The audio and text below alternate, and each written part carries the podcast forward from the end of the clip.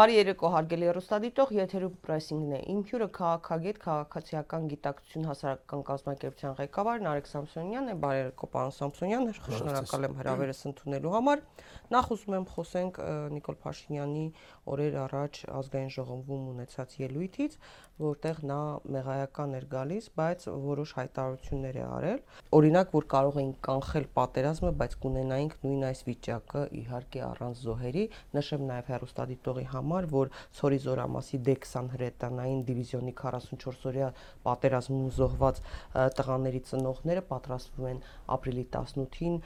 դիմել դատախազություն հաղորդում տալ հանցագործության մասին։ Իհարկե նաև նկատեմ, որ Ադրբեջանից անմիջապես արձագանքեցին Նիկոլ Փաշինյանի այդ ելույթին, նրան հա, անվանելով Հայաստանի ամենաադեկվատ առաջնորդ եւ նաեւ դրանից հետո Ալիևը դարձյալ հրաապարական իր ելույթներում սկսեց խոսել ինչ է լինելու խաղաղության համաձայնագրի կնքումից հետո, որին Նիկոլ Փաշինյանն ասում է այլ ընտրանք չկա, Սևանի հետ, Երևանի հետ, Սյունիքի հետ, դրանք իրենց պլանների մասին բացեի բաց խոսում են, չեն տակցնում իրենց ակնկալիքների մասին։ Հիմա Նիկոլ Փաշինյանի այդ ելույթը ինչ նպատակ ուներ։ Խնդրեմ Նախ շնորհակալություն հրավերի համար։ Իմ խորին համոզմամբ այդ ելույթը հերթական ելույթների նման ելույթ էր։ Նա միշտ այդ գծերը, որոնք որ այդ ելույթում կար ասել է, պարզապես սա ավելի շատ ինձ հիշեցրել է պատերազմ թե խաղաղություն լրջանալու պահը հոդվածը Լևոն Տեր-Պետրոսյանի, այո Եթե կհիշեք, հենց այդ ժամանակահատվածի նպատակներից մեկը Տեր-Պետրոսյանի իր մոտ արկա, իր համար ընդունելի բանակցային փաստաթուղթը հասարակության հետ կոմունիկացնելն էր։ Ես որքան գիտեմ, այդ հոդվածը գրելուց առաջ նա իր քաղաքական թիմի հետ անգամ չէր խորհրդակցել։ Բայց Տեր-Պետրոսյանի խաղաղություն թե պատերազմը լրիվ այլ հետևանքներ կարող էր ունենալ, եթե անգամ դա կիրառվեր, քան այն ինչ որ սա ասեց իր ելույթում։ Սրա ելույթի հիմնական մեխը մեր ժողովրդի, մեր պետության բացարձակ կապիտուլյացիաներ արդեն փաստաթղթի վավերացումով։ Եվ նա, գիտեք, ինձ համար մեծ ցավ էր դա լսելը, որովհետև ես ստիպված էի լսել ազգային ժողովի այդ նիստը իր ելույթից բացի,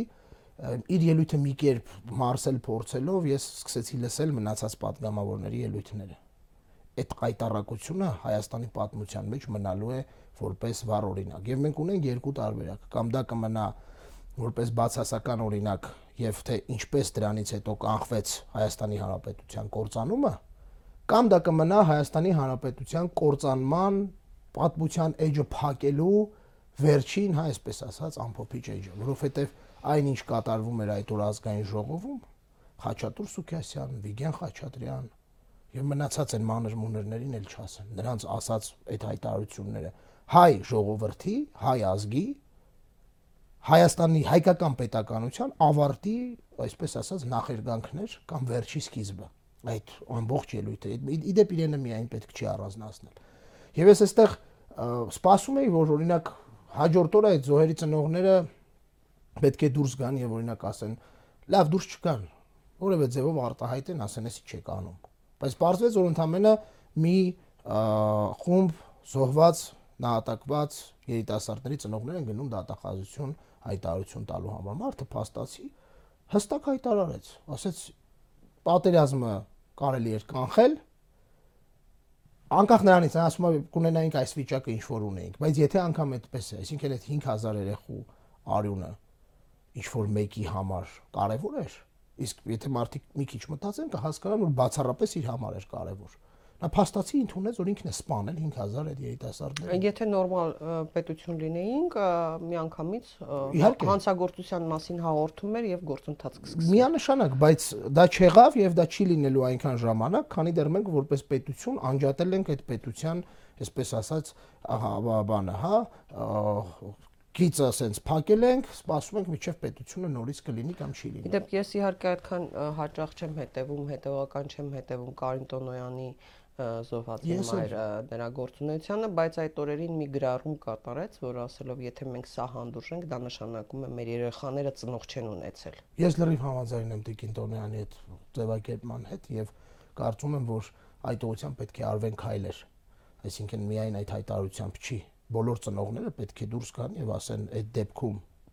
այ ազգակործան պատուհաս ինչի մեր երեխեքին տարարում օրթեցիր եթե այսպես թե այնպես նույնն էր լինելու բարձե չէ ինչի է դա արել ինքն ինքը դրա էլ է չխոստովանել ասել է որ այդ զոհերը չլինեին ինձ ասելու էին հողերը տվեց Իդեպ ազգակործան պատուհաս խոսքերի հեղինակը ինչու այս օրերին չի խոսում, չի ինչու չի լռում, ինչու ձայն չի հանում, հա Լևոն Տեր-Պետրոսյանի մասին եմ խոսում, խոսում, որովհետև այս օրերին հասարակության տարբեր խմբեր սպասում են, որ պետք է բոլորը ակտիվ արձագանքեն։ Մի փոքրիկ ինչ որ բան լինում է սխալմունք կամ նույնիսկ իր նախկին ելույթների հետ կապված որևէ մեկը սխալ մեկնաբանություն է կատարում հանրային տիրույթում մամուլում, անմիջապես գրասենյակից կամ մի քանի տողով նա անդրադառնում է։ Ասեմ, ուշադրություն որ դարձնեք հիմա նույն parlamentum այդ օրը ինչ էր փորձում անել այս մարդը, որը այդ ելույթն ունենած ունեցավ եւ հետո տեսնում էիք պատնամավորները մոտենում էին իրեն, ինչ որ բաներ էին ստանում, գնում էին ելույթ ունենալու, նա փորձում է Լեոն Տեր-Պետրոսյանին դարձնել կողմ։ Կողմ ի օգուտ իրեն։ Այսինքն ամեն ինչ անում է որ Տեր-Պետ ուշադրություն դարձնեք Տեր-Պետրոսյանը ճիշտ է ժամանակին, եթե այսպես լիներ եւ այլն եւ այլն։ Ես մտավախություն ունեմ, որ Տեր-Պետրոսյանը դեռ պաուզա է վերցրել մտածելու համար, արդյոք արժի դառնալ կողմ ու կանգնել սրա կողքին, թե պետք է իրականությունը խոսել եւ իրական հայտարարությունը իր պատկերացումները հանրությանը հայտնել եւ դառնալ կողմ Հայաստանի Հանրապետության պետակ մեր պետականության պահպանման շարժման։ Ասեմ ձեզ, ես անկեղծ սպասում եմ Տեր Պետրոսյանի հայտարարությանը, որովհետեւ այս պահին գոնե գոնե տարանջատվող իհարկե իհարկե հստակ տարանջատվող, որ ես այս ազգակործան պատուհասի հետ կապ չունեմ, որովհետեւ սա այն վերջին կետն է, որից հետո այլևս ամեն ինչ հիշվելու է ավելի շատ, քան մինչև պատերազմը իր օգնությունը, իր կադրային օգնությունները, իդեմս Խաչատրյան Վահագնի եւ Գագիկ Ջահանգիրյանի, հա, դա բոլորը գիտեն, չէ՞ որ դա Տեր Պետրոսյանի Դե ի վերջո Մակունցն էլ նույն եղել է, Մակունցը, այո, շատ էր Արայիկ Հարությունյանը կրթության գիտության նախին։ Իհարկե, բոլորը իր իր թիմի, այսինքն Տեր Պետրոսյանը ունի ապրիորի մեղավորություն էս ամեն ինչի մեջ նաև զուտ նրա համար նաև որ այդ կադրերը կան եւ իր կադրերն են եղել, հա, այդ ազգակործան պատուհասի փոքրիկ պատուհասները։ Հիմա Տեր Պետրոսյանը պարտավոր է խոսել եւ հստակ տարանջատել իրեն այս ամեն ինչից։ Առավել եւս ավակ սերնդի գործընկերներս էլ հիշում էին, որ ոչ միայն պատերազմ խաղաղությունից, այլ Տեր Պետրոսյանի, ինչու ոչ նաեւ մյուս երկու նախագահների ելույթներից ինչ որ փորձել էր օգտվել նույնիսկ բառապաշարի իմաստով, հա, Նիկոլ Փաշինյան այսպես կոլաժ էր արել, օգտվել էր։ Դե ինքը իրենք իրենք իրենց համար դա բանա, չէ, այսպես ասած, խասյաթա, չէ, օգտվել ժամանակ դրանից առաջ էլ հանրապետական կուսակցության չգիտեմ, քաղաքապետի բաների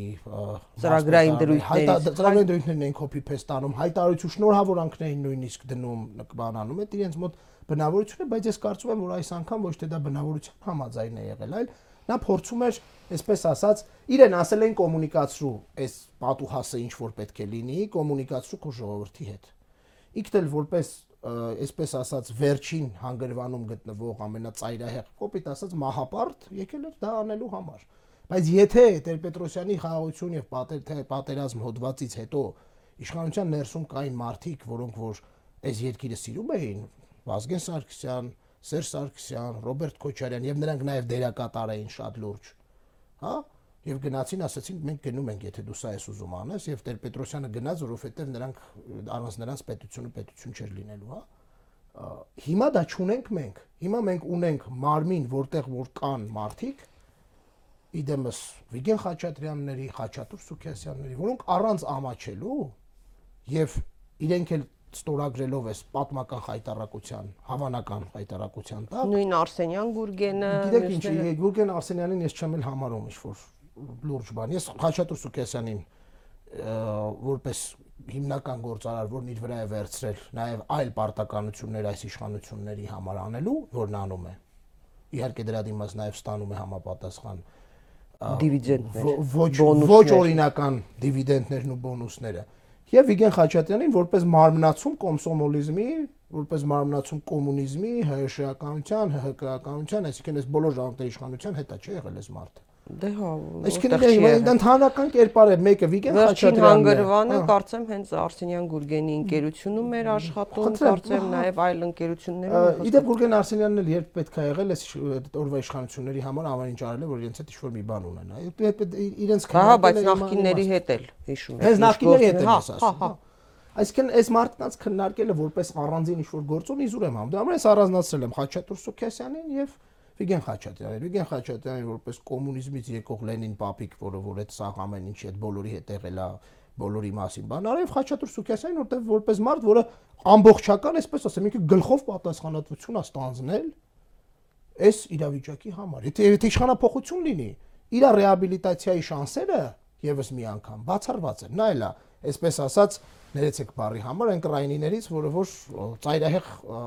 մահապարտի դերում է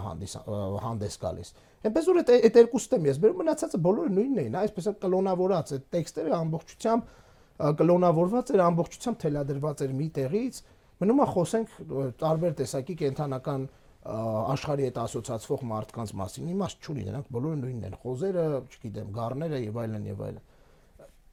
քաղաքական Հայաստանի Հանրապետության պատմության մեջ ազգային ժողովի այդ նիստը մնալու է որպես պատմական խայտարակության նմուշ, ասում եմ, կամ դրական իմաստով մենք որպես բացասական օրինակ մեր սերունդներին դա ցույց ենք տալու եւ ասենք այսպես ինչ պետք է լինի երբեք երկրի ղեկավարը, որտեվ կարժանանա այս ճակատագրին կամ դրանով փակվելու է Հայաստանի Հանրապետության էջը որպես պետություն։ Պարոն Սամսոնյան, հիմա ես տեսնում եի, որ իրենք հատուկ ընտրել էին ովքեր ելույթ ունեն։ Օրինակ Անդրանիկ Քոչարյանը ելույթ չունեցավ, չէ՞։ Երևի իրենք էլ հասկացել էին, որ եթե օրինակ Անդրանիկ Քոչարյանը ելույթ ունենա, այնքան նեգատիվը շատ է իր ելույթների նկատմամբ, որ սխալ է նա ելույթ ունենա։ Գուցե հետո օրինակ ընտրել էին, ասենք Լուլու ֆիքսիվ հանրապետական Վահագն Ալեքսանյան, չգիտեմ, բան շնորհակալություն էին հայտնում։ Հիմա նրանք ինչ էին ասում ասում էին կոչ էին անում, մեկը կոչ էր անում, որ Արցախի իշխանությունների նկատմամբ Հայաստանի իշխանությունները կոնկրետ ճնշումներ գործադրեն, ինչը հետևեց մենք նույնիսկ ձեր ասած մարդը կոնկրետ Ադրբեջանի Միլի Մեջլիսի պատգամավորներ իրեն զգում։ Այդ տեքստը ես գիտեմ ում մասին եք ասում։ Հա, նույն Արսենյանի։ Հա, իհարկե։ Հիմա նա ու դրան հետևեց ինչը, փաստորեն սկսեցին որոշ գործիչներ, իշխանամերձ եւ իշխանական գործիչներ ասել, որ ոնց թե Արցախին այսքան օգնություն ենք տալիս, այսքան միլիոնի սոցիալական աջակցություն, այսքան չգիտեմ ինչ եւ այլն, եւ նաեւ տեղեկություն մենք հրապարակեցինք, որ Նիկոլ Փաշինյանը փորձել է շանտաժ անել, սպառնալ Արցախի նախագահին, որ այ տեսեք եթե խելոք չմնաք կզրկենք ձեզ օգնություններից, այնպեսի տպավորություններ ոնց որ իրենց գրպանից են տալիս, հա, այսինքն մարդկանց հայրենիքը հայրենազրկել են ու հիմա սպառնում են, որ խելոք չմնաք, դա չենք տա։ Այդ իրենց համարում են դա մեծ լավություն։ Բայց ամենահետաքրքիրն ինչն էր, բացի այն, որ տեխնոլոգիաներ էր կիրառվում, face դեմքերով ընտրելով թե ով ավելի ճիշտ է խոսի, որ շրջանակի վրա կազդի, որ մեսիջը որ կենտրոնին տեղ կհասնի, որ մարդու բերանով փոխանցվելու դեպքում, նաև ինչ էր գնում հիմնական թեզը, որ եթե Նիկոլը գնա խաղաղության համաձայնագիր չկնքվի, ապա դրա այլընտրանքը պատերազմն է եւ հավատացեք սորական քաղաքացիների վրա, որոնք ամեն մեկը իրենց խնդիրների տակ կքած, իրենց գործերով, իրենց ամեն մեկը իր ոլորտում է գործունեություն ծավալում, պարտադիր չի հետևի քաղաքական այս խոհանոցին կամ մանրամասներին։ Մարդը անհանգստություն ունի, լրջագույն խնդիր է դարձել անվտանգության հարցը եւ նոր պատերազմի վախը։ Տեսեք, ինքը հատուկ է դա, հենց սկզբից է դա արել Հիշում եք ինչի էր կանգնացնում պատերազմը, որ 30000 մարդ զինվոր չզոհվեր։ Այդպես էր չի ասում։ Ինչի արեց պատերազմը, ինչի այդ զոհերը տվեց, որ այդ զոհերից տեսնեն մարդիկ պատերազմից վախենան եւ նա իր համար ցարքի հիմնական թեզը, որ եթե ես չլինեմ պատերազմը լիներ, մարդիկ դրանից վախենալով բան անեն, հա, ասեն դե լավ, թող ինքը լի պատերազմ չլինի։ Նույնը հիմա են անում։ Հիմա նույն բանը հիմա է անում, բայց ինչպես իրենց ողջ կյանքի ընթացքում եւ իրենց գործունեության բոլոր ոլորտներում արկա իրենց այդ ստախոս լինելու հանգամանքին, այստեղ էլ են իրենք ստախոս։ Իհարկե սուտ են ասում։ Ամենաառաջինը Ալիևը եւ միջազգային հանրությունը իր ասած այդ որ միջազգային հանրության գրպաններ գցում այդ բանը, հա, իբր իրեն ստիպում են, ու չասեց այդ որ միջազգային հանրությունն է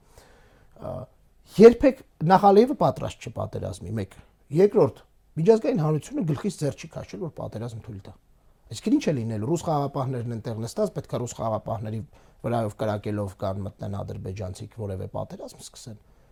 Ինչ պետք է անեն, պետք է գան Սևանը վերցնեն։ Ուրեմն եթե իրենց թվում է, որ իրենց բանակից փախածների իշխանության, ստախոստերի ու դավադիրների իշխանության պարագայում մարդիկ զենք վերցրեցին գնացին, Թասիբով իշխանության պարագայում բոլորն են դառնալու զինվոր եթե պատերազմել սկսելու հավանականությունից։ Դա լավ գիտի նաև իր հոկեհայր Իլհամ Ալիևը, չէ։ Ավելին Ալիևը հայտարարություն արեց, որ պատերազմի հայկական կողմից ոչնչացվել ոչնչացվել է 4-ից 5 միլիարդ դոլարի զենք զինամթերք, որոշ մասը ավարև են վերցրել եւ նաեւ սպառնած են երկրներին բոլոր, ովքեր կաջակցեն, որպիսի Հայաստանը Հայաստանը վերականգնի իր ռազմական հնարավորությունները։ Սա առաջին հերթին ուղղված էր Ռուսաստանին, որտեղ հիմնականում Ռուսաստանի հետ է, հա, զինամթերքի գործարքը եւ պայմանագրեր, որ նախկիններն էին կնքել, զինապետեր, այո, դրանք ուժի մեջ են եւ շարունակում են, պես չի որ իրենք նոր բաներ են կնքել եւ այլն։ Հիմա ստացվում է, որ Ալիևը հասել է իր նպատակին։ Արցախը զինաթափված է, բանակը ոչնչացնում է։ Հայաստանում գլխավոր շտաբի պետք չկա արդեն ամսից ավել։ Այո, հիմա Ալիևը կարող է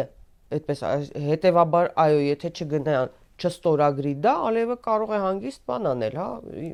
ոչ մեկ չի կրակելու այստեղից ասեմ, ես վստահ եմ, որ պատերազմի իր չլինելու դեպքում, հա, սրա չլինելու դեպքում պատերազմի անխուսափելիությունը մեծ ֆիկցիա է, վստահ եմ, առավել քան իր չլինելու դեպքում կեղծ թեզ է իհարկե կեղծ թեզ է իհարկե կեղծ թեզ է եւ ասեմ ձեզ Հայաստանում որևէ հաջորդ իշխանություն սա արդեն այնպես է արել որ Հայաստանում որևէ այլ իշխանություն չի կարողանալու իր այսպես ասած ռազմատենչություն ցույց տալ, չի կարողանալու կռվի մասին խոսելու խոսելու ցանկություն ունենալ։ Մենք գնալու ենք բոլորովին այլ ճանապարհով, որը դիվանագիտական ճանապարհն է։ Իսկ Ալիևը նորից եմ կրկնում, այդ հնարավորությունը չի ունենալու։ Եվ ասեմ ձեզ, այստեղ նորմալ իշխանություն լինելու դեպքում, այսինքն Հայաստանի իշխանություն, ոչ թե Ադրբեջանից նշանակված իշխանություն, լինելու դեպքում թե բանակի վերակառուցումն է հնարավոր, այդ կներեք 20 տարի Ալիևը բանակի մեր բանակի մասին, իր մեզ զինողների, մեր հա այդ ռազմամթերքի մասին հող չեր հողորտում։ Այդ ինչ են մարդիկ մոռացել։ Այդ ինչ են մոռացել, որ Սերժ Սարգսյանի եւ Ռոբերտ Քոչարյանի 10 տարիների ընթացքում իշխանության այդ մարդկանց համապատասխանաբար 10-10 տարիների իշխանության ժամանակ պատերազմ չէր լինում։ Ինչի՞ չէր լինում պատերազմ, որովհետև բալանսը պահված էր, չէ՞, որովհետև իրենք գիտեին, չէ՞, ինչ էր լինելու։ Ապրիլյանին փորձեցին կերան բերաններին։ Տեսան, չէ՞, ինչա լինելու։ Սա է նորմալ իշխանության եւ ամորֆ դավաճանական ու հանցագործ իշխանությունների տարբերությունը։ Հիմա ինչ որ այս ելույթից հետո նայում ենք որոշ հայտարարություններին եւ որոշ փաստերին, ինֆորմացիաներին, որոնք շրջանառվում էին մամուլում եւ քաղաքական ընդդիմադիր հայացքներով գործիչներ էին նաեւ այդ մասին հրապարակում, ահավասիկ 5 միլիարդ դոլարի գործարքի մասին Նիկոլ Փաշինյանի եւ Ալիևի իրական պատկերը լրիվ այլ է դառնում։ Ես ասեմ ձեզ, ես վստահ եմ, որ նվազագույնը դա շատ լուրջ հետաքրնության է ենթարկվելու եւ մենք պետք է դրա պատասխանը տանք իշխանապողությունից հետո արդյոք դա եղել է թե չի եղել որովհետեւ այդ ձեր ասածը իրականում շատ համոզիչ փաստարկ է դա այսինքն փաստարկ չէ շատ համոզիչ կանխավարկած է դա դառնում որ դա եղել է այդպես 5 միլիարդով Եվ այդ պատասխանը մենք պետք է ստանանք եւ վստահ եմ մենք ես չեմ կարծում որ Հայաստանը կործանվելու է։ Ես կարծում եմ որ Հայաստանը այս ամեն ինչի մեջից դուրս է գալու եւ ես կարծում եմ որ դրանից հետո մենք հնարավորություն ենք ունենալու այդ ձեր ասացի մասով համոզմունք ձևավորենք փաստացի հանգամանքների վրա, այսինքն եղել է թե չի եղել։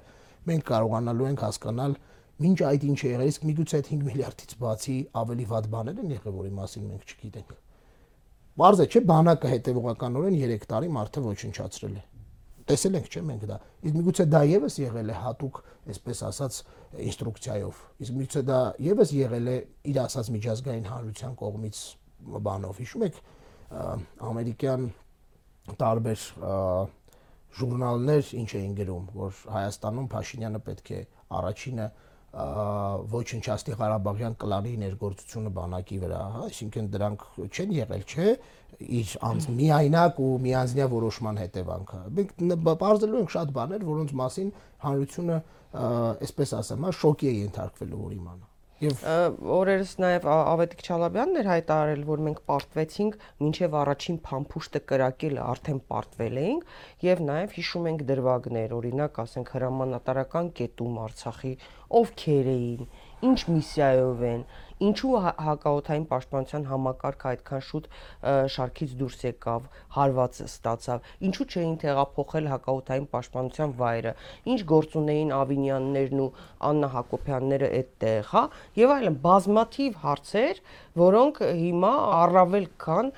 հետաքնության առարկա պետք է դառնան։ Եվ ընդդիմությունը հիմա ընդդիմության գործողություններին վերադառնանք Ինչ է պատրաստվում անել ընդդիմությունը սրան ի պատասխան ինչու գնացին ձեր կարծիքով Արցախ։ Արդյոք պետք է Արցախում լինեին եւ ոչ թե ազգային ժողովում, օրինակ, թեկուզ այնտեղ հենց ակցիա տեղի ունենար։ Ես ընդդիմության կոնկրետ այդ գործողության մասին չունեմ բացասական վերաբերմունք, որովհետեւ եթե ես պատկերացնում ինչ կլիներ, եթե նրանք լինեին ազգային ժողովում, համեմատության մեջ գոնե տեսականորեն պատկերացնելով համարում եմ որ ճիշտ դա էր։ Ինչու, որովհետև եկեք փաստենք մի բան, այս մարդիկ չունեն ոչ մի արգելակ, այս մարդիկ չունեն ոչ մի սրբություն, այս մարդիկ չունեն որևէ բարոյական, այսպես ասած, մի գիծ, որից ներքև դու կարաս ասես այս նրանից ներքև իրենք չեն գնալու։ Այդ ծեծ ու ջարդը լինելու էր ազգային ժողովում նույն ձևով։ Արդյունքում ինչ էր դուրս գալու որ նորից կապիտուլյանտները ծեծեցին մարդկանց, որոնք փորձում էին Հայաստանում Հայաստանի պատիվը պահել, ես ասեմ ձեզ, քանի որքան շուտ ընդդիմությունը հասկանա, որ սրանց հետ բանավեճի, հարց ու պատասխանի ժամանակ իրենք միայն պարտվում են, այդքան ավելի արագ հնարավոր է լինելու այս ամեն ինչի վերջը տալ։ Ձեր գործընկերն է եղել։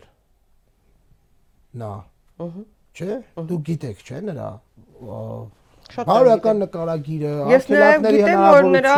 վախկոտ լինելու հանգամանքը։ Դե վախկոտությունն է նաև, չէ, բորենիության հետևանք։ Երբ որ օրինակ ասենք ինչ որ խմբագրության վրա հարձակում էր լինում, ինքը թաքնվում էր հնարավորինս, մինչև կապվում էր այս կամ այն падգամավորի կամ ազդեցիկ որևէ մարդու հետ, հետո կապվում էին ու գալիս էր այսպես հերոսի կեցված։ Է գիտեմ ու հասկանում եմ որ մարդը լծակները, չէ՞։ Այո, ես դրա մասին էի ուզում խոսեմ։ Աստված ոչ անի, երբ որ վախկոտ մարդու ձեռքին տրվում է գործիքակազմ լծակներ, հա։ Տեսնում եք, հա, նորից ինչ պայմաններ է ստեղծում ոստիկանական համակարգի համար։ Չեմ խոսում միայն ապարքեվավճարների մասին եւ այլ այլն են։ Մենք տեսնում ենք իրենց այդպես այդ պոակներին, որոնք ֆեյքային հարձակումներ են գործում, նոր ֆինանսավորում է տրվում բյուջեներից։ Մենք տեսնում ենք իրենք ակտիվորեն ինչ որ պատրաստվում են արտահերտ քաղաքապետի ընտրությունների, հա, արագացված տեմպով, հա, ինչ որ Ավինյան են PR-անում, ռասկրուտկա անում նորից, այնպեսի տպավորություն է, ոնց որ Ավինյանն էս ամեն ինչի հետ կապ չունի, էլի, ասենք, այդպես են ներկայացնում։ Հիմա ավելին մի երկու օր առաջ օրինակ լուրեր տարածվեցին, որ չի բացառվում, որ ընդդիմատիր որոշ գործիչների եւ հանրային գործիչների տներում խուզարկություններ սկսվեն, նույնիսկ նշվել էր թվով 150 հոգու բնակարաններ, որ կարող են ներխուժեն։ Հիմա ամեն կերպ մի կողմից նժարին դրված է իր անվտանգությունը, որը վախենում է օբյեկտիվորեն նա դրանից վախ ունի։ Մյուս կողմից ամբողջ գործիքակազմը իր ձեռքին է։ Ինչ է անելու ընդդիմությունը։ Ընդդիմության անելիքների մասին կարծում եմ մենք կիմանանք կտեսնենք կամ կքննարկենք տեսականորեն քիչ անց թե ինչ է անելու, բայց նախ առաջի մասի վերաբերյալ։ Ուրեմն այդ ամեն ինչով հանդերձ, այդ ամեն ինչով հանդերձ, այդքան ռեսուրս ունենալով ուժայինները ամբողջությամբ ինքը լավ գիտի մի բան Եվ ես սա վստահեցնում եմ նաև ձեզ եւ մեր մեզ դիտողներին։ Ոստիկանության մեջ ինչքան էլ ինքը ոստիկանությանը փորձի ողնաշարազրկել, ինչքան էլ ազգային անվտանգության ծառայության ասի դուք ադրբեջանցիներին կամ արտաքին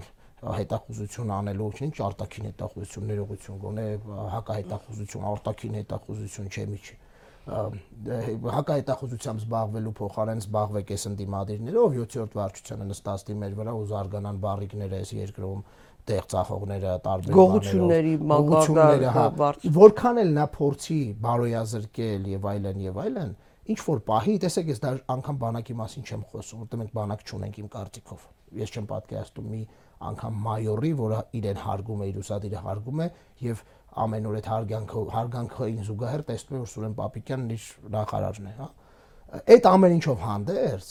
ճիշտ պահին, թե ոստիկանությունը, թե ազգային անվտանգության ծառայությունը, ես մի տոկոս կասկած չունեմ։ Հենց զգացին, որ ընդդիմությունը կարող է այս անգամ չի տապալվելու եւ իրական վճռական գործողության է գնում։ Այդ մարդիկ միանգամից հիշելու են, որ իրենք սպա են։ Իրենք Հայաստանի Հանրապետության սպան են, ոչ թե ադրբեջանական իշխանությունների ենթականներ։ Ես դրանում առավել քան վստահ եմ։ Գոնե բարձրաստիճանների մասով վստահ եմ։ Կան ներքին կան այնտեղ ինքը օրինակ ոստիկանությունում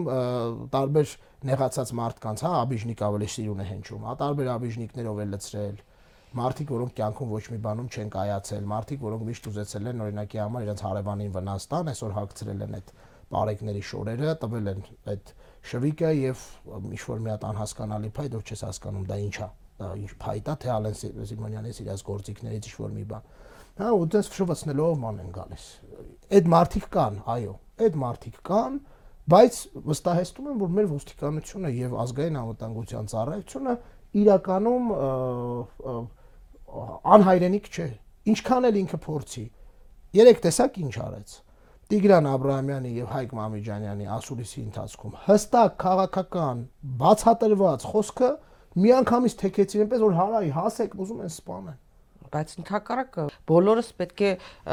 խնդիր դնենք, որ հանկարծակի մնա, ինքը իհարկե, որտեվ պետք է ամեն ինչը բացահայտվի։ Ինքը պետք է ցուցմունք տա, ես ասել եմ եւ ասում եմ, ինքը պետք է Նայիրի Հունանյանի հետ կամ Նայիրի Հունանյանի կողքի խցում անցկացնի իր կյանքի մնացած հատվածը, դա պարտադիր պետք է իր մազից մի իրենից մի մաս պակասելը դա մեր համար է ամենամեծ վնասը լինելու։ Այն իր կողքիները ցուցմունքները տալու են, ինչ պետք է ասելու են, հասկանում եք, բայց ինքը առաջի հիմնական մեղադրելը պետք է մնա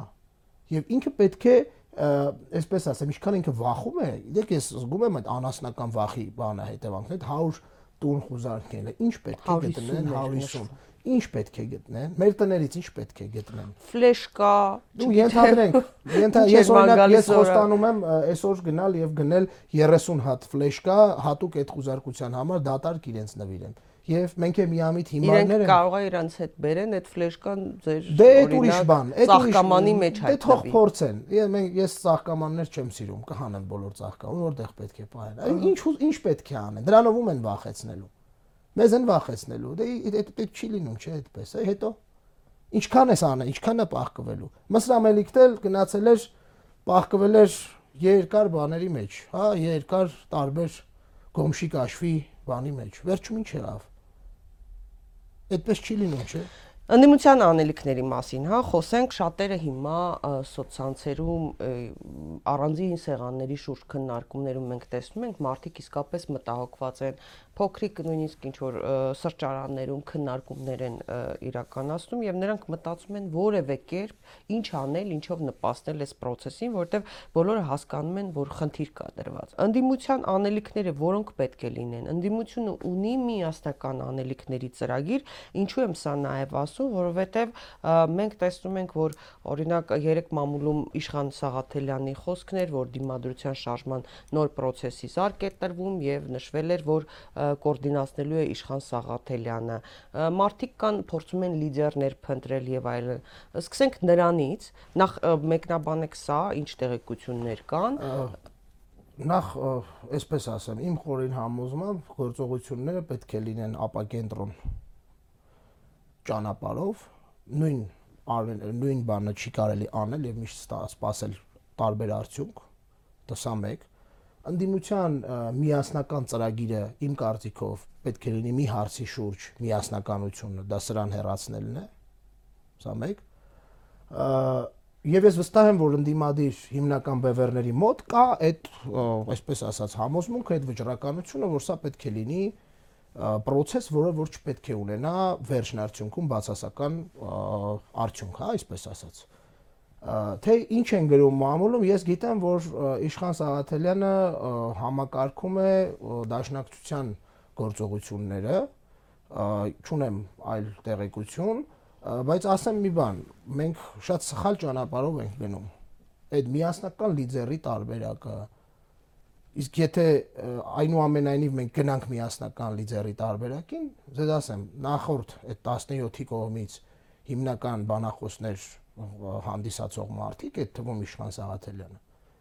նախորդ շարժման տապալման հետ են ասոցացվում։ Սա գիտեք ինչ, սա այնքան բնական process է։ Չի կարա պարտության հետ ասոցացվող մարդը, ով ուզում է լինի, հա, գալ եւ վերցնել ու հաջող որևէ գործընթաց անել։ Սա մեկ, երկրորդ, ավելի կարևոր բան, քան առաջի ասածներ։ Չկա Հայաստանում մի բան, մի մարդ, որի շուրջ բոլորը ունենան ընդհանուր, այսպես ասած, կոնսենսուս։ Չի կարող լինել այդպիսի մարդ։ Նվազագույնը ինչ որ մակարդակում այդ կոնսենսուսը փլվելու է։ Դրա համար ինչի է ապակենտրոն շարժման բանը ավելի դրական։ Ամեն մարդ իր տեղում լիդեր է ինչ որ հա մեկ իր կուսակցության համար օրինակ հայրենիք կուսակցությունը այսինքն նպատակը գաղափարի շուրջ բուն նպատակի շուրջ համախմբվելն է ոչ թե այո իհարկե որովհետև նորից եմ գրում օրինակ հայրենիք կուսակցությունը ունի 100 հոգի մարդ ինքն իր 100 հոգու համար Արտուր Վանեցյանը լիդերն է Արտուր Վանեցյանը այդ մարդկանց պետք է առաջնորդի Դաշնակցությունն ունի, ընդհանրենք պայմանական թվեր եմ, հա, ասում կոնկրետ թվերի մասին չի։ 2000 մարդ։ Խնդրեմ Իշխան Սաղաթելյանը թող առաջնորդի այդ 2000 մարդուն հանրապետական կուսակցությունն ունի X թվով մարդ։ Իդեպ ասեմ դες ամենամեծ մարդկային ռեսուրսն ունի հանրապետական կուսակցությունը։ Հետևորդների, կողմնակիցների, մի խոսքով։ Նաև ինստիտուցիոնալ է դա։ Աբո Սերժ Սարգսյանը այնտեղ է եւ ոչ միայն Սերժ Սարգսյանը, այնտեղ կան բազմաթիվ մարդիկ, որոնք որ ամեն մեկը իր մակարդակում առաջնորդ է իսկ ով ասեց որ ինչ որ մեկը պետքա գա մեսիայի տեսքով այդ մեսիաների ձեռը մենք տեսանք չէ ինչ են եղել գործընթացը պետք է լինի հստակ, ապակենտրոն, ոչ թե միտեղում հավաքված, միտեղում պալատկե կխփած Հայաստանի Հանրապետության բոլոր քաղաքներում, Երևանի բոլոր հատվածներում պետք է միանգամից պայթի գործընթաց։ Հայաստանը պետք է վերածել այն ինքն ինչպես արեց։ Իրենից ավելի ծանր հա, այնպիսի իրավիճակի, որ ինքը հասկանա, որ ինքը պետք է գնա։ Եվ դրա համար պետք չի մի լիդեր, երկու լիդեր, երեք լիդեր, դրա համար պետք են լիդերներ։ Պոլի վրա, այսպես ասած, գետնի վրա լիդերներ։ Եվ ես դες ասեմ, այդ լիդերների լիդ մի լիդերի փնտրտուքը շատ վտանգավոր գործ է։ Եվ ովքեր փորձում են տարբեր տեսակի ձևերով դա շահարկեն ու առաջ տանեն, իրենք կամ իրենց Սերժ Սարգսյանն չէ լավ ձևակերպել փոքր մարդիկ պատի վրա մեծ թվերներ են գցում։ Չի կարելի առաջնորդվել այդ ճանապարհով։ Այդ ստվերը ինչքան էլ մեծ երևում է իրականում տակը կան բաներ։ Որևէ մեկը զրո ամբիցիան, հենց նույն Սերժ Սարգսյանի ասած, սրա մասին է այդ ամբիցիաները պետք է մի կողմ դնել պետք է առանց այդ այդ կենտրոնական մի հոգի, մի համակարգ, համակարգողը որն է։ Համակարգել պետքա ընդհանուր ամեն մեկը իր գործողությունը։ Սա է իմ կարծիքով ճիշտ ճանապարհը եւ ես վստահ եմ, որ անդիմության հիմնական գործող անձանց շրջանում դերակատարների շրջանում կա այս համոզմունքը։ Եվ որքան շուտ այդ գործընթացները սկսեն, դա մի գործընթաց չի լինելու։ Այդ վերջին փամփուշտ որ ասում են երեկվա այդ, որից շատ վախեցել էր կապիտուլյանտը, հա, այդ վերջին փամփուշտի գաղափարը այդ այդ բանը չի էլի, ոչ իրենց պատկերացրածն է այդ մի կրակոցը, որից իրենք շատ վախում են։ Կա, չկա վախում են։ Ոչ էլ մեր պատկերացրած, թե որ ինչ-որ միտեղ պետքա հավաքվեն բոլորը, այդ մի օրն է, այդ մի փամփուշտն է։ Ոչ, դա գործընթաց է, դա երկար, ինչպես էին անկոմեդիի տղաները սարքել են, չէ՞, դա մեմ են սարքել, գործընթաց է երկրում եղբայր։ Հիմա դա գործընթաց պետք է լինի։ Տարբեր կոմպոնենտներ, բաղադրիչներ ունեցող գործընթաց, բոլորը պետք է իրենց ռեսուրսները դնեն հանուն մեկ միասնական նպատակի։ Եվ որևէ մեկը այս փուլում չպետք է փորձի խառնել, փորձի, չգիտեմ, ինչ որ իր վրա վերմակ քաշել։ Սա ամենամեծ սխալը կլինի։ Եվ ես կարծում եմ, որ այդ այդ գիտակցումը կլինի եւ բացի դա ձեզ մի բան ասեմ, Օրինակ այդ 17 ուժեր կոչվածի, որտեղ կար երկու կուսակցություն ու մնացածը մարդ կուսակցություններ, հա, կամ առավելագույնի 3, լավ որ մարդկանց չնեղացնենք։ Հիմա այդտեղ խնդրեմը ո՞րն է։ Դուք որոշումների կայացման Առավելագույնը 3 չէ, 3-ից ավել։ Հիմա ես հիշեցի, որ ամեն դեպքում Ուրեմն եկեք ավելի շատ մարդկանց չնեղացնենք, ոչ ավել քան 5, լավ։ Ինչն էր խնդրեմը։ Այդտեղ խնդրեմը այդ որոշումների կայացումն էր։ Այսինքն որոշման որոշումների կայացումը փողոցային պայքարի դեպքում Երբ որ սկսում է ծանվել, ծանվել, ծանվել,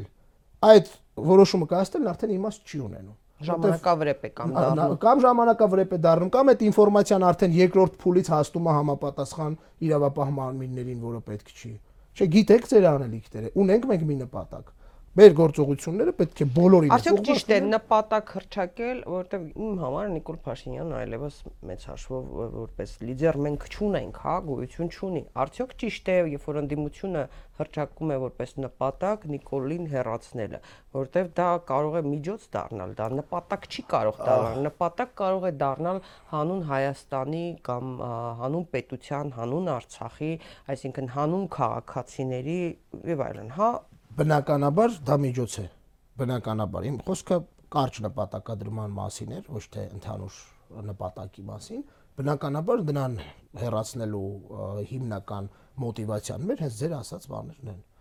Արցախն է Հայաստանի Հանրապետության ընդհանրապես գոյությունն է գլոբալ առումով Հայաստանի Հանրապետությունում լակոտոկրատիայի ավարտի ավարտը, այսպես ասած, բերելն է։ Իհարկե դրանք պետք է լինեն։ Հենց դրա համար եմ ասում, այ որ հիմնական նպատակը միջոցը սրան հեռացնելն է եւ նպատակը կարող են ձևակերպել տարբեր մարդիկ գիտեք այս միայն Նիկոլին հեռացնելը բավարար է կարծում եք իհարկե ես ասեմ դες այնտեղ թիմ չկա ասում եմ առաջի պահին երբ որ կտեսնեք կհասնենք դրան որ նա սա հրաժարական կտա Խաչատուր Սուքեսյանը Ստամբուլից լայվ է մտնելու խոսքս հիշեք ու այտենց լիքը մարդիկ են որ հիմա հերոսի նման կռիվ են դոշ են տալի Վիգեն Խաչատյանը սկսելու է Հովիկ Աղազարյանի հետ մրցել թե ով ավելի հիմար միտք ասում։ Տեսնեք։ Դա է խնդիրի ինքն է։ Ինքը եւ Այս դեպքում ոնց որ Վիգեն Խաչատյանը կրում է։ Դե հա, հիմա կողմա դե որովհետև ինքը լինելով հայտնի այդ երկարակեցությունը, իր իդեպ իր երկարակեցությունը, այդ մարդու երկարակեցությունը պետքա Գինեսի գրքում գրել, չի եղել Հայաստանում տես բան։ Լևոն Տեր-Պետրոսյանի օրոք աշխատես, Կոչարյանի օրոք աշխատես, Սերժ Սարգսյանի օրոք աշխատես, Նիկոլ Փաշինյանի օրոք էլ են մնացած բոլորին ինչ ասես, ասես։ Լուրջ մարդ է։ Այսինքն այս այս խնդիրն է եւ այս վերջերս մի բան կա հետաքրքիր, որ շատ մեր ընկերներ, նաեւ վերլուծաբաններ, նաեւ դաշտում մեծ դերակատարում ունեցած եւ ունեցող մարդիկ ասում են, որ պետք է խոսել ապագայի պլաններից, ինչպիսի Հայաստան ենք մենք ուզում։ Հա, դա նկատի ունենք, որովհետև դա բավարար չէ, հասկանում ենք, չէ, ինչ լրջագույն խնդիրների առջև ենք կանգնած։ Ավելին հասկանում ենք, չէ, որ մեկ մեկ անձով չի լինելու այս խնդիրները լուծել, որովհետև այնպեսի ավերակ է։ Հա, նաև հասկանում ենք, որ դրա համար է նաև նշվում հաճախ, որ պետք է ազգային համաձայնության կառավարություն ձևավորվի, բոլոր կարող ուժերը պետք է ոտքի կանգնեն ու կարողանան այս իրավիճակից դուրս գալ, որևէ ոլորտում մենք ունենք ավերակներ միայն։ Բոլոր տեղերում։ Հիմա մի հոգու վրա մեկ անձով չի կարող լինել, բայց մյուս կողմից պետք է լինի անձ լիդեր, որը պատասխանատվություն է կրում այդ ամենի համար։ Դա ինչպես է լուծվել։ Տեսեք, Հայաստանում նվազագույնը կա 2, 3, 4 մարդ, որոնք ամեն մեկը իրենց քաղաքական անցյալով, ներկայով, թիմերով այս խնդիրը լուծելու հնարավորություն են։ Այն հենց այդ ազգային համաձայնության կառավարություն ձևակերպումը, որի հետ ես ընդհանրապես համաձայն չեմ, որտեղ ես չեմ կարող ազգային համաձայնություն ունենալ սրանց քաղաքական թիմի հետ։ Իսկ ազգային համաձայնության կառավարությունը ներառականության ամենաբարձր մակարդակն է ենթադրում, որտեղ կան նաև սրանք։ Սրանք չպետք է լինեն։ Ես սրանց հետ համաձայնության, առավել եւս ազգային համաձայնության ոչինչ չեմ տեսնում ու չի կարող ունենալ որևէ իշխանություն հաջողություն, եթե սրանց հետ ունի ազգային համաձայնություն։ Արամ Սարգսյանի հետ ես ինչ ազգային համաձայնություն։ Արման Բաբաջանյանի ու Դավիթ Սանասարյանի հետ ես ինչ ազգային համաձայնության կառավարություն։ Դավիթ Սանասարյանն էլ էր հայտարարել, որ Փաշինյանին կանգնեցնել է պետք այդ ելույթից հետո։ Դե չկանգնացնեիք, չբարձրացնեիք, հիմա էլ կանգնացնելու կարիք չունենայի։ Բայց չէ, ավելին ասեմ, ինքային անձանցից մեկն էր, որ իբրև կուսակցության ղեկավար հանդիպում է, վերջերս էլ է հանդիպել, չէ, Նիկոլ Փաշինյանի հետ, Արզականցյանը, Խզմալյանը, հա ու էլի, հա, այսպես Նորայր Նորիկյաններ, Դավիթ Սանասարյաններ։ Հիմա ասեք կրկեսի կրկեսի կրկեսի շենքը երբ է ավարտվելու, երբ են պատրաստելու, երբ է գործարկվելու։ Այս մարդկանց գործը ընդեղ է։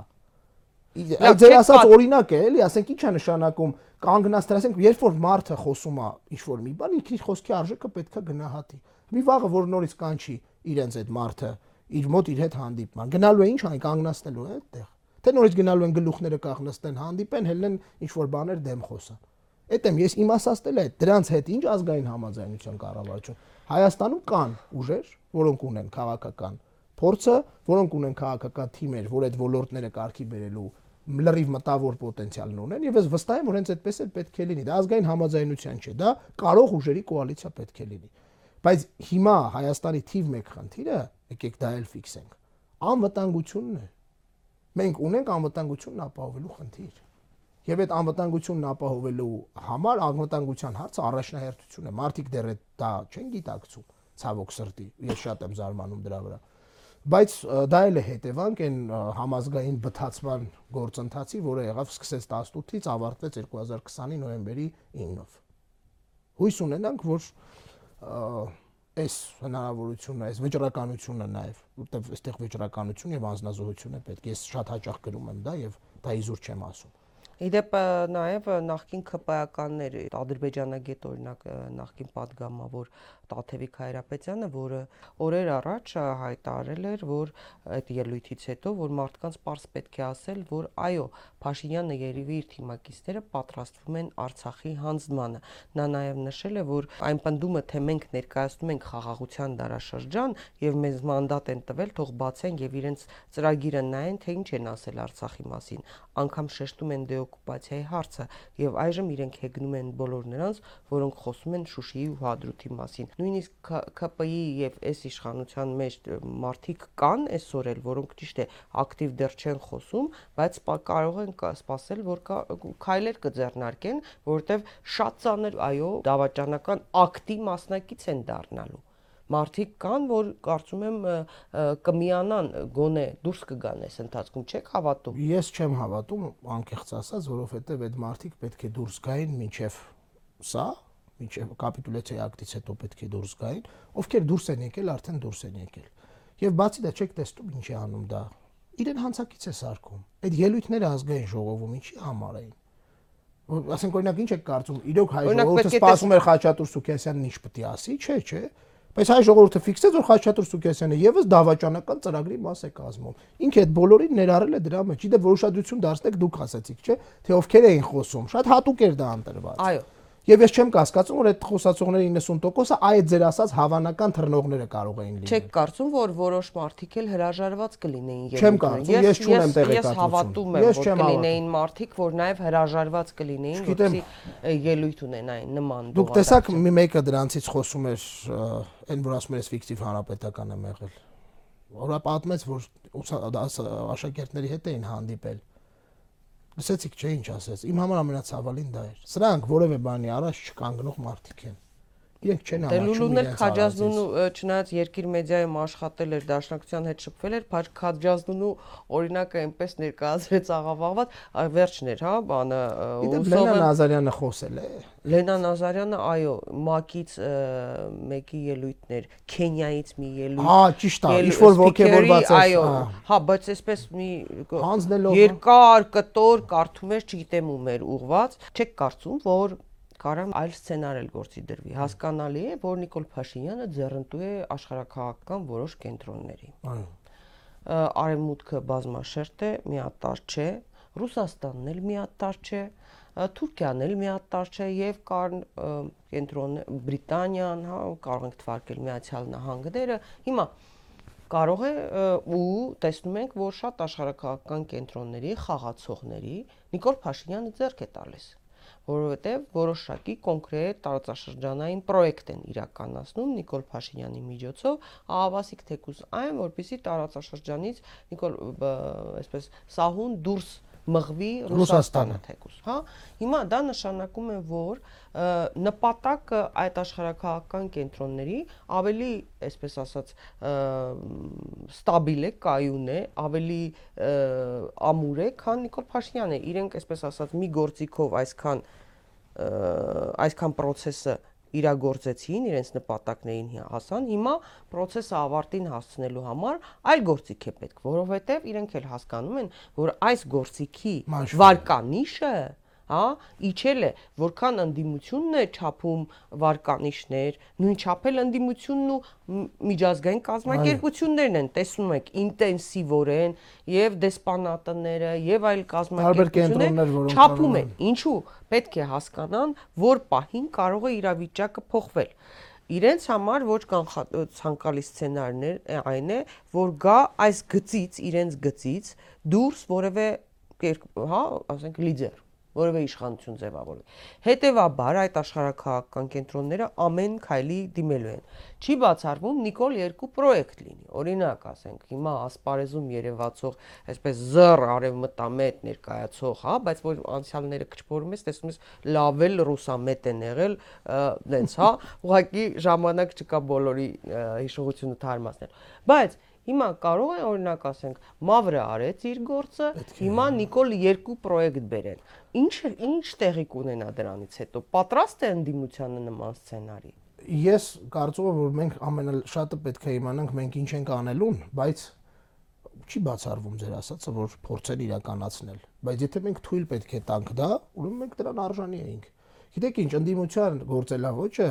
մեր երկրում 30 տարի եւ պլյուսս 4 տարի եղել է մեկը Մարդիկ մտածել են, որ ընդդիմությունը դա մենակ խոսող, հրաապարակային քաղաքական գործիչներն են։ Ոչ, ընդդիմությունը դա չի։ Ընդդիմությունը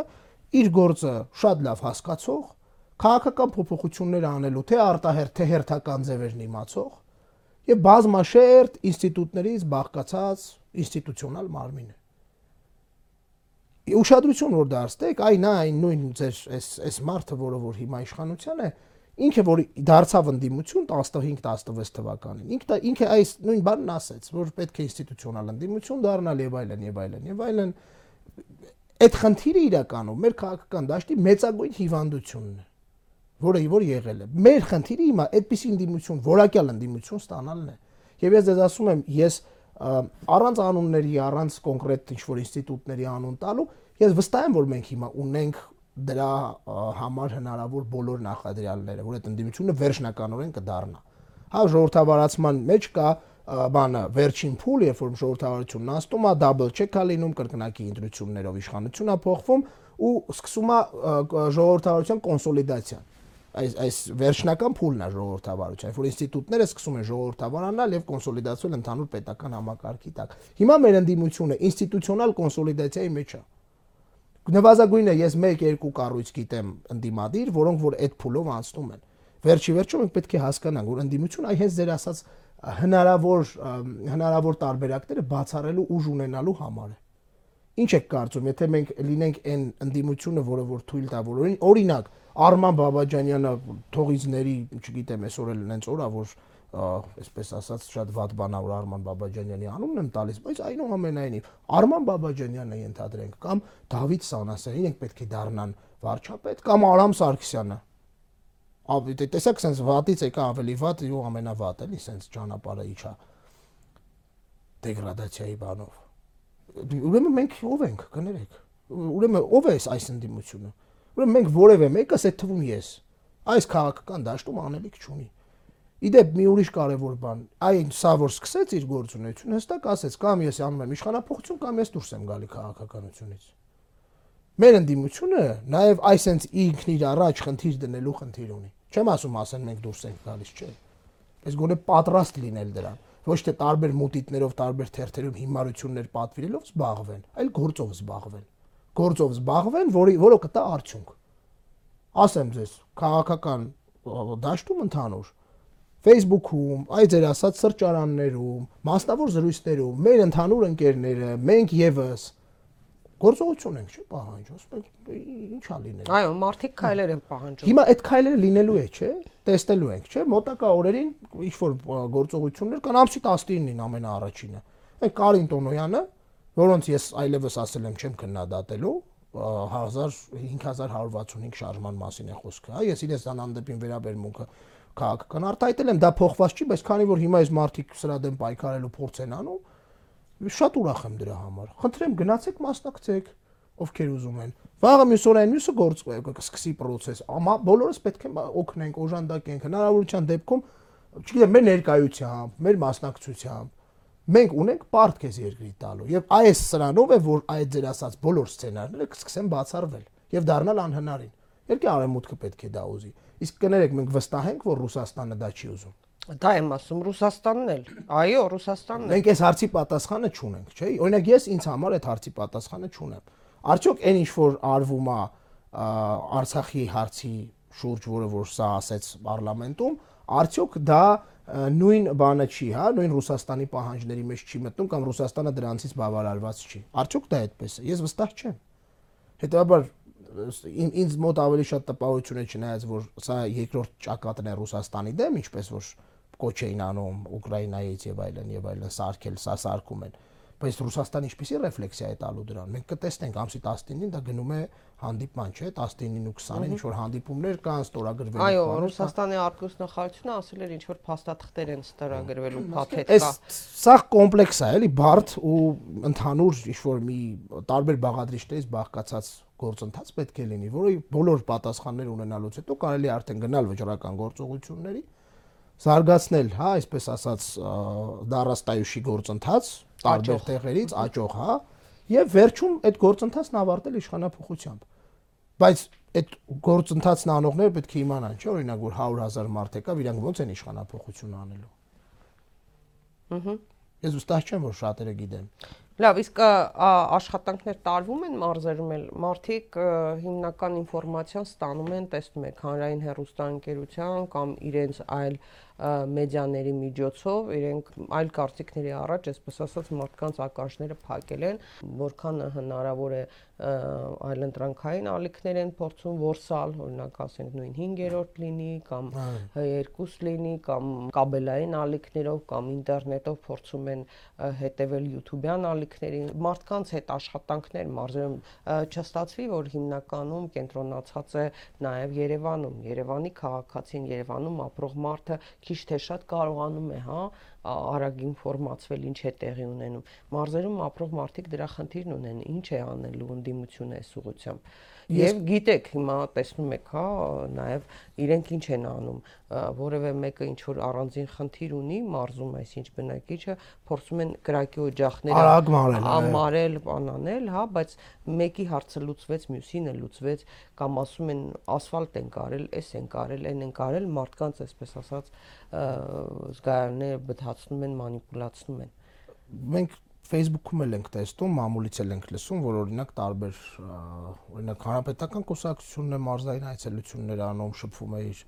տեղի կառույցների հետ։ Հայաստան Հայաստան դաշինքը, այո։ Մարդիկ, այսինքն այդ այդ գործողությունները, այդ այսինքն այդ այցերը, այդ փորձերը կան։ Դրա արդյունավետությունը ես չգիտեմ, որքանով է դա արդյունավետ, որքանով դա կազդի վերջնական գործընթացի վրա, բայց կարող եմ հանրահավաքի օրինակը բերել։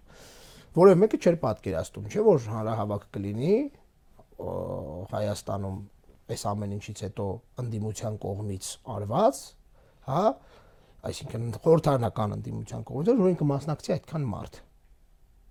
Ես որակյալ զանգված, անգամ այս իշխանությունների գրպանային հայտնի դեմքերից մեկը, որը որ միշտ տալիս էր անգամ են փետրվարի 25-ի հանրահավաքը, որ այդքան մարդեր հավաքվի, գրել էր 8000 մարդ է մասնակցի։ Անգամ ինքը չկարողացավ պակաս թիվ տալ, ասես 11 թե 12000, չէ՞ Մարզա չէ որ դրանից մի քանի անգամ շատեր է հանրահավաքի թիվը, եթե դա այդքան է ասում որև մեկը չէր պատկերացնում։ Չէ, ձեզ ասեմ, ես տեսել եմ բազմաթիվ մարզերից։ Ինձ ուրախացրեց այն, որ ծռերի հանրահավաքին մարդիկ, այսինքն գիտակցում էին, հասկանում էին դրա վտանգը, հա, այդ խմբավորման, որը ՊՊՑ գունդ էր արել, վերջո, այսինքն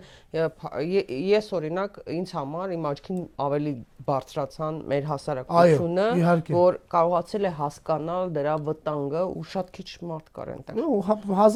1500 մարդ է վերջնական տվյալով եղել ըստ էության։ Դրա համար էլ այդ իշխանությունների գրպանային հայտնի մարդը չտվեց այդ։ Բայց տեսակ նաև Ուկրաինայից մարդիկ կային։ Դե պետք է լինեին այդ մարդիկ ախր հասկանում եք այդ մարդկանց մեջ ահաբեկչությունը ոչ թե ինչ որ մեկ գործողությամբ սկսած ու ավարտված, այլ դա գենետիկ ինչ որ բան է, չեք տեսնում այդ մարդիկ։ Այդ դա էլ չի ահաբեկչության նման մի բան։ Առանց զենքի ահաբեկչություն է։ Նույնը չեն գնացի Ուկրաինայի դեսպանին հանել, թե երկրում ընդհանրապես իշխանություն կա, կարա երկրում հավատարմագրված դեսպանը որևէ երկրի գա ու այդ որ երկրում հավատարմագրված է դրա ռազմավարական դաշնակցի դեմ միտինգ վարի փողոցում կես ժամվա մեջ պերսոնա նոն գրատա են հայտարարում նորմալ երկրում ու ճանապարհում է մեր երկրում սա թարս է այո ես շատ ուրախ եմ ես էի դեպ նկարողներից մեկը այդ հարահավաք երբ որ ես բան էի անում սկսում էի այդ ուզում էի նկարել իմ մտավախությունը ամենամեծն էր որովհետեւ կարող լինել շատ մարդիկ ես ուրախ եմ նաև, այո, որովհետև տարանջատում են, չէ՞, օրինակ ինչի չեն այդ մարդիկ նստած։ Դատապարտված են։ Ես իմ օրինակը բերեմ։ Ինձ գիտեք հայտնի հանգամանքներում երեք օր նստացրեցին։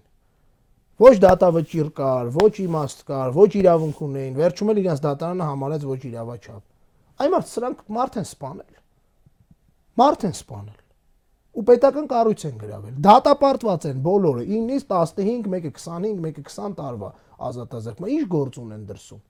Բարձա չէ որ այդ իշխանություններին ձեռնտու է որ սրանք դրսում լնեն, ոչ թե օրինակի համար ներսում։ Դե մարդիկ հասկանում են, չէ՞, այս մարդիկ իսկականից լավ հիմարացրել են մարդկանց, բայց այս մարդիկ իսկականից այն ամենա ողնուղեղներ չեն հանել այս մարդկանց մեջից։ Մարդիկ զգում են, չէ՞, տեստում են իրականը որն է, ոչ իրականը որն է։ Ու հենց հիմա այդ մեր ընդդիմության խնդիրը նաև այդ իրենց նկատմամբ այսպես ասած վստահություն ունեցողներին չկոտրելու մեջ է, չէ՞ գործը ընդդիմությանը։ Եթե process լինի մեծ մոբիլիզացիա, չեք կարծում որ Նիկոլ Փաշինյանը ուժի կդիմի Ես շատ եմ ուզում որ ուժի դիմի ինքը ոստիկանական շատ եմ ուզում ամենայն լրջությամբ ես պատրաստ եմ լինել առաջին շարքում կանգնած թող առաջինը իմ գլուխը բացվի դրանից հետո Նիկոլ Փաշինյանը իր կյանքի հարցը պետք է լուծի մեկ այ նմանատիպ ուժի կիրառում ու ժողովուրդը հարուրապատկվելու է փողոցում Այդ իրանց ամենամեծ սխալը կլինի։ Դրա համար ես հորդորում եմ, այո, թող ուժի դիմեն։ Ինչքան կարան։ Թող դիմեն։ Ես պատրաստ եմ լինել այդ ուժի կիրառման հետևանքով այսպես ասած, ամենաշատ ուժած մարդկանցից մեկը ես կլինեմ հենց այդ առաջի շարքում։ Թող ուժի դիմի, թող փորձի ուժի դիմել։ Այդ ուժի դիմաց ոստիկաններն էլ պատասխան կտան։ Շատ դաժան ձևով։ Ինքն էլ հետը։ Այսպես ասեմ, մենք ունենք հիմա, ինձ ասում են, այդ ձեր այդ եւ ուժի դիմելը եւ ասում են, բա չեք պատկերացնում, որ Արցախը կկորցնենք ընթացքում, բայց ես ասում եմ, մենք եթե սկսենք այդ դրանք քննարկել, հիմա եթե մենք ասենք, եկեք ոչ մի բան չանենք, որ Արցախը չկորցնենք ինքն Արցախը թղթով տալու է 6 ամիս հետո մենք ասելու ենք եկեք չկռվենք, եկեք ոչ մի աղջդժություն չսարքենք, ճակերտավոր աղջդժություն, որ հանկարծ Սյունիքը չտա, հետո Սյունիքն է տալու։ 6 ամիս հետո ասելու ենք եկեք ոչ մի բան չանենք, այս երկրում ներ քաղաքական իրավիճակը չլարենք, որ Սևանի կեսը գոնե մերը մնա։ Չի լինում այդպես։ Բավականին բարձր է խաղադրույքը։ Խաղադրույքը Հայաստանի Հանրապետության լինել չլինելն է։ Ուժ պետք է կիրառի, թող կիրառի։ Մեզ պետք է բռնի, թող բռնի։ Դրանից հետո մարդիկ չեն լինելու, որոնք մեր փոխարեն գալու են։ Քաղաքական այբուբեն է։ Ընդդիմության նկատմամբ ցանկացած ուժի կիրառում ավելացնում է մարդկանց քանակը փողոցում։ Թող կիրառի, ինչքան կարող է բիրտ ուժ կիրառի։ Դա իր վերջի հնարավորությունն է։ Իդի ամինն էլ էր մտածում, որ ուժ կիրառելով հարց կլուծի։ Տեսակ վերջում ինչ եղավ։ Ինքը այդ բոլոր բռնապետների վերջաբանը իդեպ թողիզների թողիզների Իդի ամինի հոգին եւ բոլոր բռնապետների հոգիները եւ եթե կենթանի են նրանք անձամբ որ ես համեմատնում ես ոչնչությանը իրենց հետ բայց Չաուշեսկուների նկարից ինքը ինչու սարսափում կարող եք ինձ ասել չէ ինքը դրանից սարսափում միջև հիմա չի մոռացել դա ինչ է սարսափում որտեվ լավ հասկանում է չէ ինչ է լինելու եթե ինքն արեց դե թող ուժ ուժ ուժ կիրառ մենք էս ունենք խնդիր Հայաստանի Հանրապետության հնարավոր գոյությունը պահպանելու խնդիր ունենք ու ինձ կներեք շատ քիչ է հետաքրքրում այդ գործընթացից ես մեռած դուրս կգամ թե կենթանի որտեվ ես ունեմ երեխաներ որոնք այս երկրում պետք է ապրեն որոնց ես չեմ ուզում ապրեն մի երկրում որը երկիր չի Եվ ես այսօր այդ խնդիրն ունեմ լուծելու։ Իմ երեխաների ապագայի հարցը ունեմ լուծելու։ Մեր ապագա սերունդների հարցն ունեմ լուծելու։ Եվ ես այդտեղ չեմ մտածում, թե ինքնուշ կկիրառի, մեզ կբռնի, թե կսպանի, թե ինչ կկորցնենք, չենք կորցնի։ Մենք կորցնում ենք ամենակարևորը՝ մեր երկիրը։ Իդեպ որպես ամփոփիչ իմ տղան վերջերս անդադ հարցնում է որ կարդում է դպրոցում անցնում են այս հայը այս հայտնագործությունն է արել սա է հայտնաբերել այս այս մի բանը սա հզոր զորավար էր սա էս էր սա խելացի էս ինչ սարքն է ստեղծել ասում էր Իսկ ինչի է այդ դեպքում մենք ունենք այդքան խելացի մարդիկ, ինչու է մեր երկիրը այսպես խեղճ ու վատ վիճակում։ Շնորհակալ եմ պարոն Սամսոնյան հետաքրքիր զրույցի համար։ Հարգելի հեռուստադիտող հիշեցնեմ, որ իմ հյուրն էր քաղաքագետ քաղաքացիական գիտակցություն հասարակական կազմակերպության ղեկավար Նարեկ Սամսոնյանը։ Կհանդիպենք հաջողություն ձեզ։ Thank you